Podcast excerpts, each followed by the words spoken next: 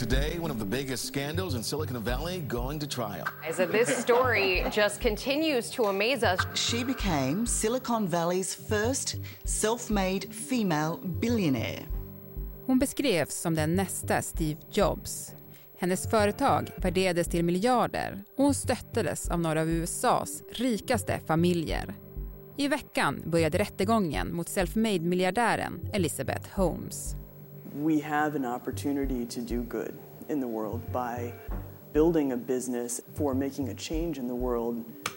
På en kvart får du veta hur hon lyckades bluffa några av världens mäktigaste och om hennes fall innebär slutet för gränslösa entreprenörer.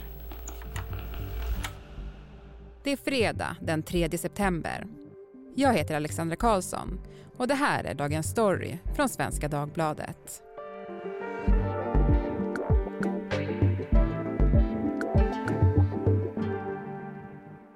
Erik Wisterberg, techreporter på SvD Näringsliv. Har tech och startup-världen någonsin varit med om en större skandal än Elizabeth Holmes? Den här historien är ju helt unik skulle jag säga. Det här bolaget var värderat till närmare 100 miljarder kronor och hade fått med sig massa tunga investerare. Sen rasade alltihop och visade sig vara en bluff. Ja, men vi måste ta det från början. Vem är hon? Ja, det här börjar ju 2002. Då kliver en ung 19-årig tjej in på Stanford-professorn Channing Robertsons rum. Hon vill använda hans labb då. Och han blir helt tagen av den här eh, kvinnan som heter Elizabeth Holmes. Han ska senare tänka att det här är liksom en motsvarighet till Mozart eller Einstein eller da Vinci, alltså en sån här person som kanske bara kommer en gång var hundrade år. Så han tyckte att han såg något helt, helt unikt i den här unga Stanford-studenten. Is it not good? It is miraculous. Men vad var det med henne som fick folk att känna sådär? Dels så hade hon ett ganska speciellt utseende. så hon var ju blond, lång, hade stora, stora blå ögon som hon också tittade med på ett väldigt intensivt sätt. Och hon tycktes aldrig blinka. Så att eh, jag tror många som träffade henne kände att de fick någon typ av eh, upplevelse och en ganska så här unik connection, om man får använda lite svengelska. Hon var också blixtrande intelligent, kom från en fin, rik familj, kunde föra sig, hade ett enormt självförtroende och hon skulle förändra världen, sa hon. You founded this company 12 years ago, right? Yeah. Tell them how old you were. I was 19. So, don't worry about the future. We're in good hands. So, En enda droppe blod. Det var allt som skulle krävas för att kunna visa om du led av hundratals potentiella sjukdomar. Droppen med blod skulle sedan analyseras i en snyggt designad apparat kallad Edison. Tekniken var revolutionerande. Ingen skulle längre behöva dö i onödan. Det var Elizabeth Holmes stora vision som hon spred för världen. Och det dröjde inte länge innan miljonerna började rulla in i hennes lilla startupföretag Theranos. Ja, men var det då den idén, eller hur hon pratade om det, som fick folk att investera i hennes bolag? För som du sa så var hon 19 år och hon hade ju liksom ingen medicinsk bakgrund och ändå var det ju många som investerade i det här. Varför? Det blev en slags visklek bland rika människor i USA. Hon fick ju med sig den här första Stanford-professorn. Hon hade också kontakter via sin familj och hon fick investerare från prominenta familjer så hon fick in pengar till det här bolaget. Hon fick in tunga ex-politiker till det här bolagets styrelse eh, så att eh, hon kunde starta igång det här bolaget med det här löftet och den här stora visionen om att helt förändra sjukvården och också då kanske skapa en, ett enormt värde för dem på vägen. Och hon blev ju väldigt uppmärksammad. Alltså hur beskrev man henne? Jag vet inte vad första gången det här nämndes, men hon kom ju att dubbas till nästa Steve Jobs, alltså Apple-grundaren. Kanske på grund av sin stora vision och alla de här pengarna hon hade lockat till sig. och också hur hon såg ut för att hon eh, hade samma svarta polotröja som Steve Jobs hade. Så blev hon utnämnd till liksom nästa stora grej i näringslivet i USA och plötsligt så var hon överallt. Och min bild är lite grann att hon verkligen ville vara nästa Steve Jobs och att det här med polotröjan som ju var signifikant för honom, att det kom liksom efter att hon hade fått det där epitetet. Ja, det är lite svårt att säga men det, något av det första hon gjorde eh, var ju att värva tunga människor från just Apple. De började med designers som skulle designa den här apparaten som skulle göra blodanalyserna och sen fortsatte hon att värva därifrån. Och jag tror att det var de som eh, fick in henne på det här att berätta att eh, Steve Jobs hade en polo från just Isimiaki, det här japanska märket och hon köpte likadana själva.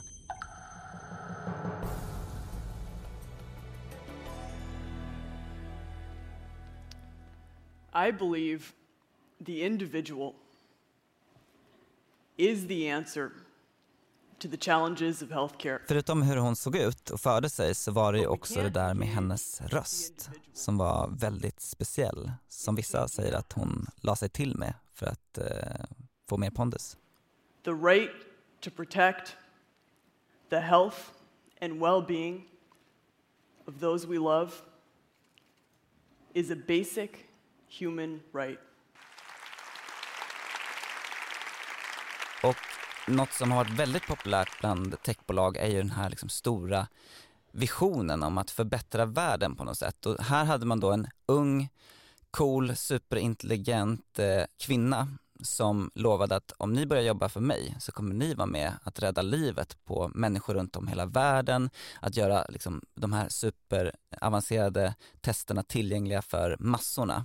Så det tror jag var en lockande kombination hennes story var ju att hon ville rädda liv med den här nya uppfinningen då. Men vad var hennes drivkrafter, skulle du säga? Jag tror att hon ville uppnå något stort, absolut. Hon kom ju från en ganska rik familj så hon behövde kanske inte eh, jobba för att få lön för dagen sådär. Men jag tror att hon ville skapa någonting stort, göra ett avtryck, kanske skriva in sig i historien. Och sen sa hon ju tidigt också att jag vill vara miljardär, jag vill bli en miljardär på egen hand och eh, det tror jag också var en stark drivkraft. Och hon uppnådde det målet väldigt snabbt. Hon blev ju snabbt den första kvinnan eh, som i så ung ålder hade skapat en så stor förmögenhet, för det här bolagets värde rusade ju väldigt, väldigt snabbt. Mm. Self-made. Self-made, precis. Mm. Hon blev ju också en så enormt stark förebild såklart, för det här var en sån historia som vi medier älskar. Alltså näringslivet är ju fullt av gubbar. Om det kommer en ung, smart kvinna som har lockat till sig massa pengar och säger att hon ska förändra världen, så är det nästan som att det inte går att eh, låta bli att skriva om henne. Och alla stora tidningar i USA gjorde stora porträtt på henne.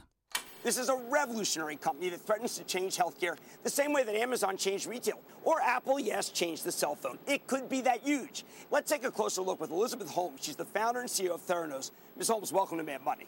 Thank you. It's great to be here. Företaget då? Alltså jag tänker, när det var så värderat, hur gick det?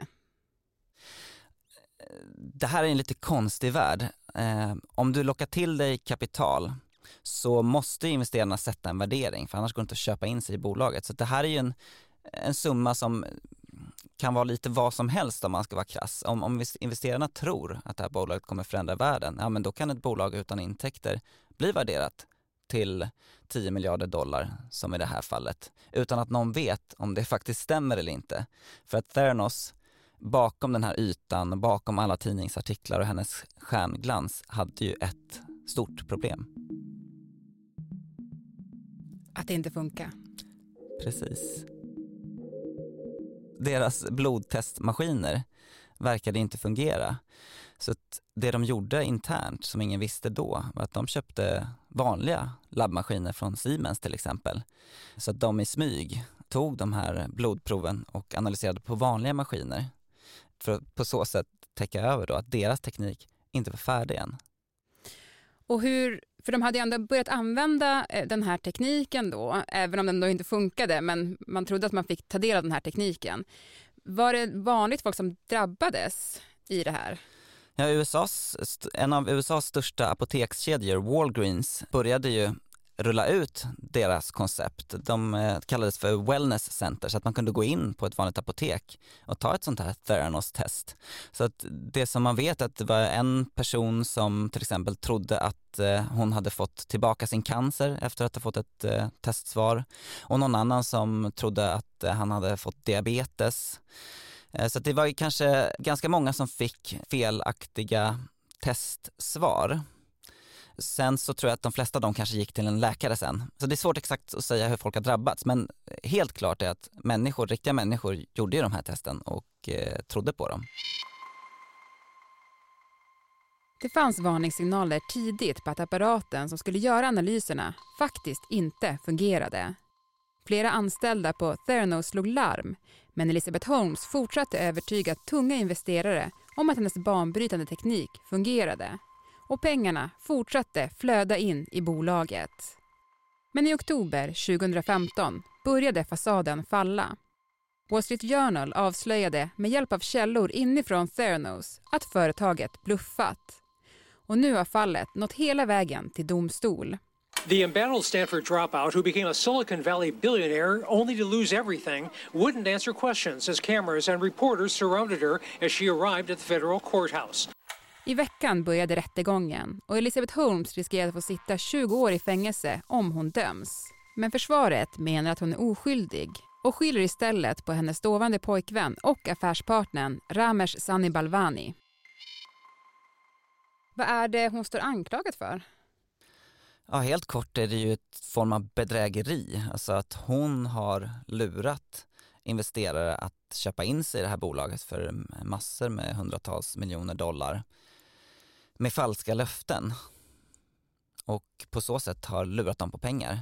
Eh, hon står också anklagad för att ha bedragit patienter och eh, läkare i viss mån. Men, men det här är framförallt en ekonomisk eh, rättegång ändå. Det är det som står på spel här, om investerarna har blivit lurade. Bara för att förstå då på vilket sätt investerarna blev lurade, vad var det hon sa att Theranos kunde göra nu liksom? Hon gav ju sken av att den här maskinen användes av den amerikanska militären liksom, på slagfältet i Afghanistan. Eh, hon gav också sken av att den användes i vissa operationsrum och eh, den bärande punkten var ju att tekniken funkade och var färdig. Att de hade knäckt koden för att man kan ta en droppe blod och göra upp mot 250 tester i realtid. Eh, så var det ju inte. Vad säger hon själv om allt det här?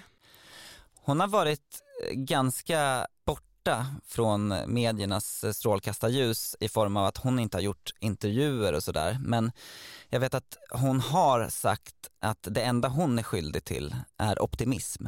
Alltså att hon eh, verkar tänka att hon skulle klara det här och att om Theranos hade fått fortsätta så hade de löst de här problemen. Hon har också medgett att visst fanns det problem, men vi jobbade för att lösa dem. Så att i hennes värld så, så är det liksom, ja visst jag kanske hade stora visioner, men jag är ingen brottsling.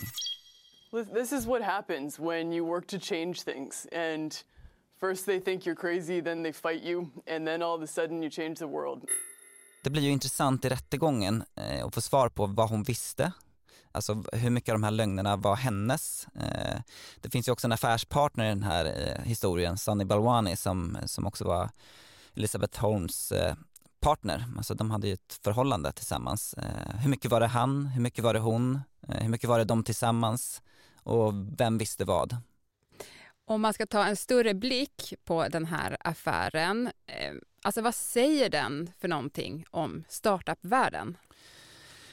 Det har varit mer än ett decennium nu när det har funnits otroligt mycket pengar som har kastats på tillväxtbolag inom tech.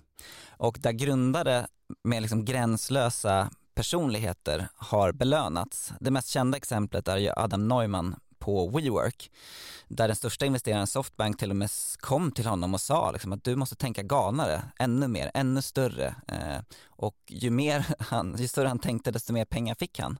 Och det slutade ju också med en kollaps. Eh, Travis Kalanick på Uber är ett annat exempel på en sån här eh, liksom enorm personlighet eh, där det slutade med att han blev utkastad från sitt bolag. Men så det har varit en sån period där, där gränslösa personligheter, eh, stora visioner, ibland utan verklighetsförankring har lockat till sig väldigt mycket kapital och man har belönats just för de här visionerna som nästan gränsar till det omöjliga eller galna. Och skulle det här då kunna bli slutet på den epoken? Det finns ju två möjliga utgångar här. Frias hon så blir det ju en signal till andra entreprenörer i USA att eh, det går att komma undan med nästan vad som helst när man bränner andra människors pengar. Om hon istället skulle fällas, ja då kanske det skulle kunna bli ett i alla fall symboliskt slut på den här eran där eh, gränslösa entreprenörer just belönas och premieras och man istället kanske kommer granska den här typen av högt flygande visioner ännu hårdare framöver. Tack Erik Wisterberg för att du kom till Dagens Story. Tack. Programmet idag producerades av Daniel Persson Mora. Redaktör var Maria Jelmini. Och jag heter Alexandra Karlsson.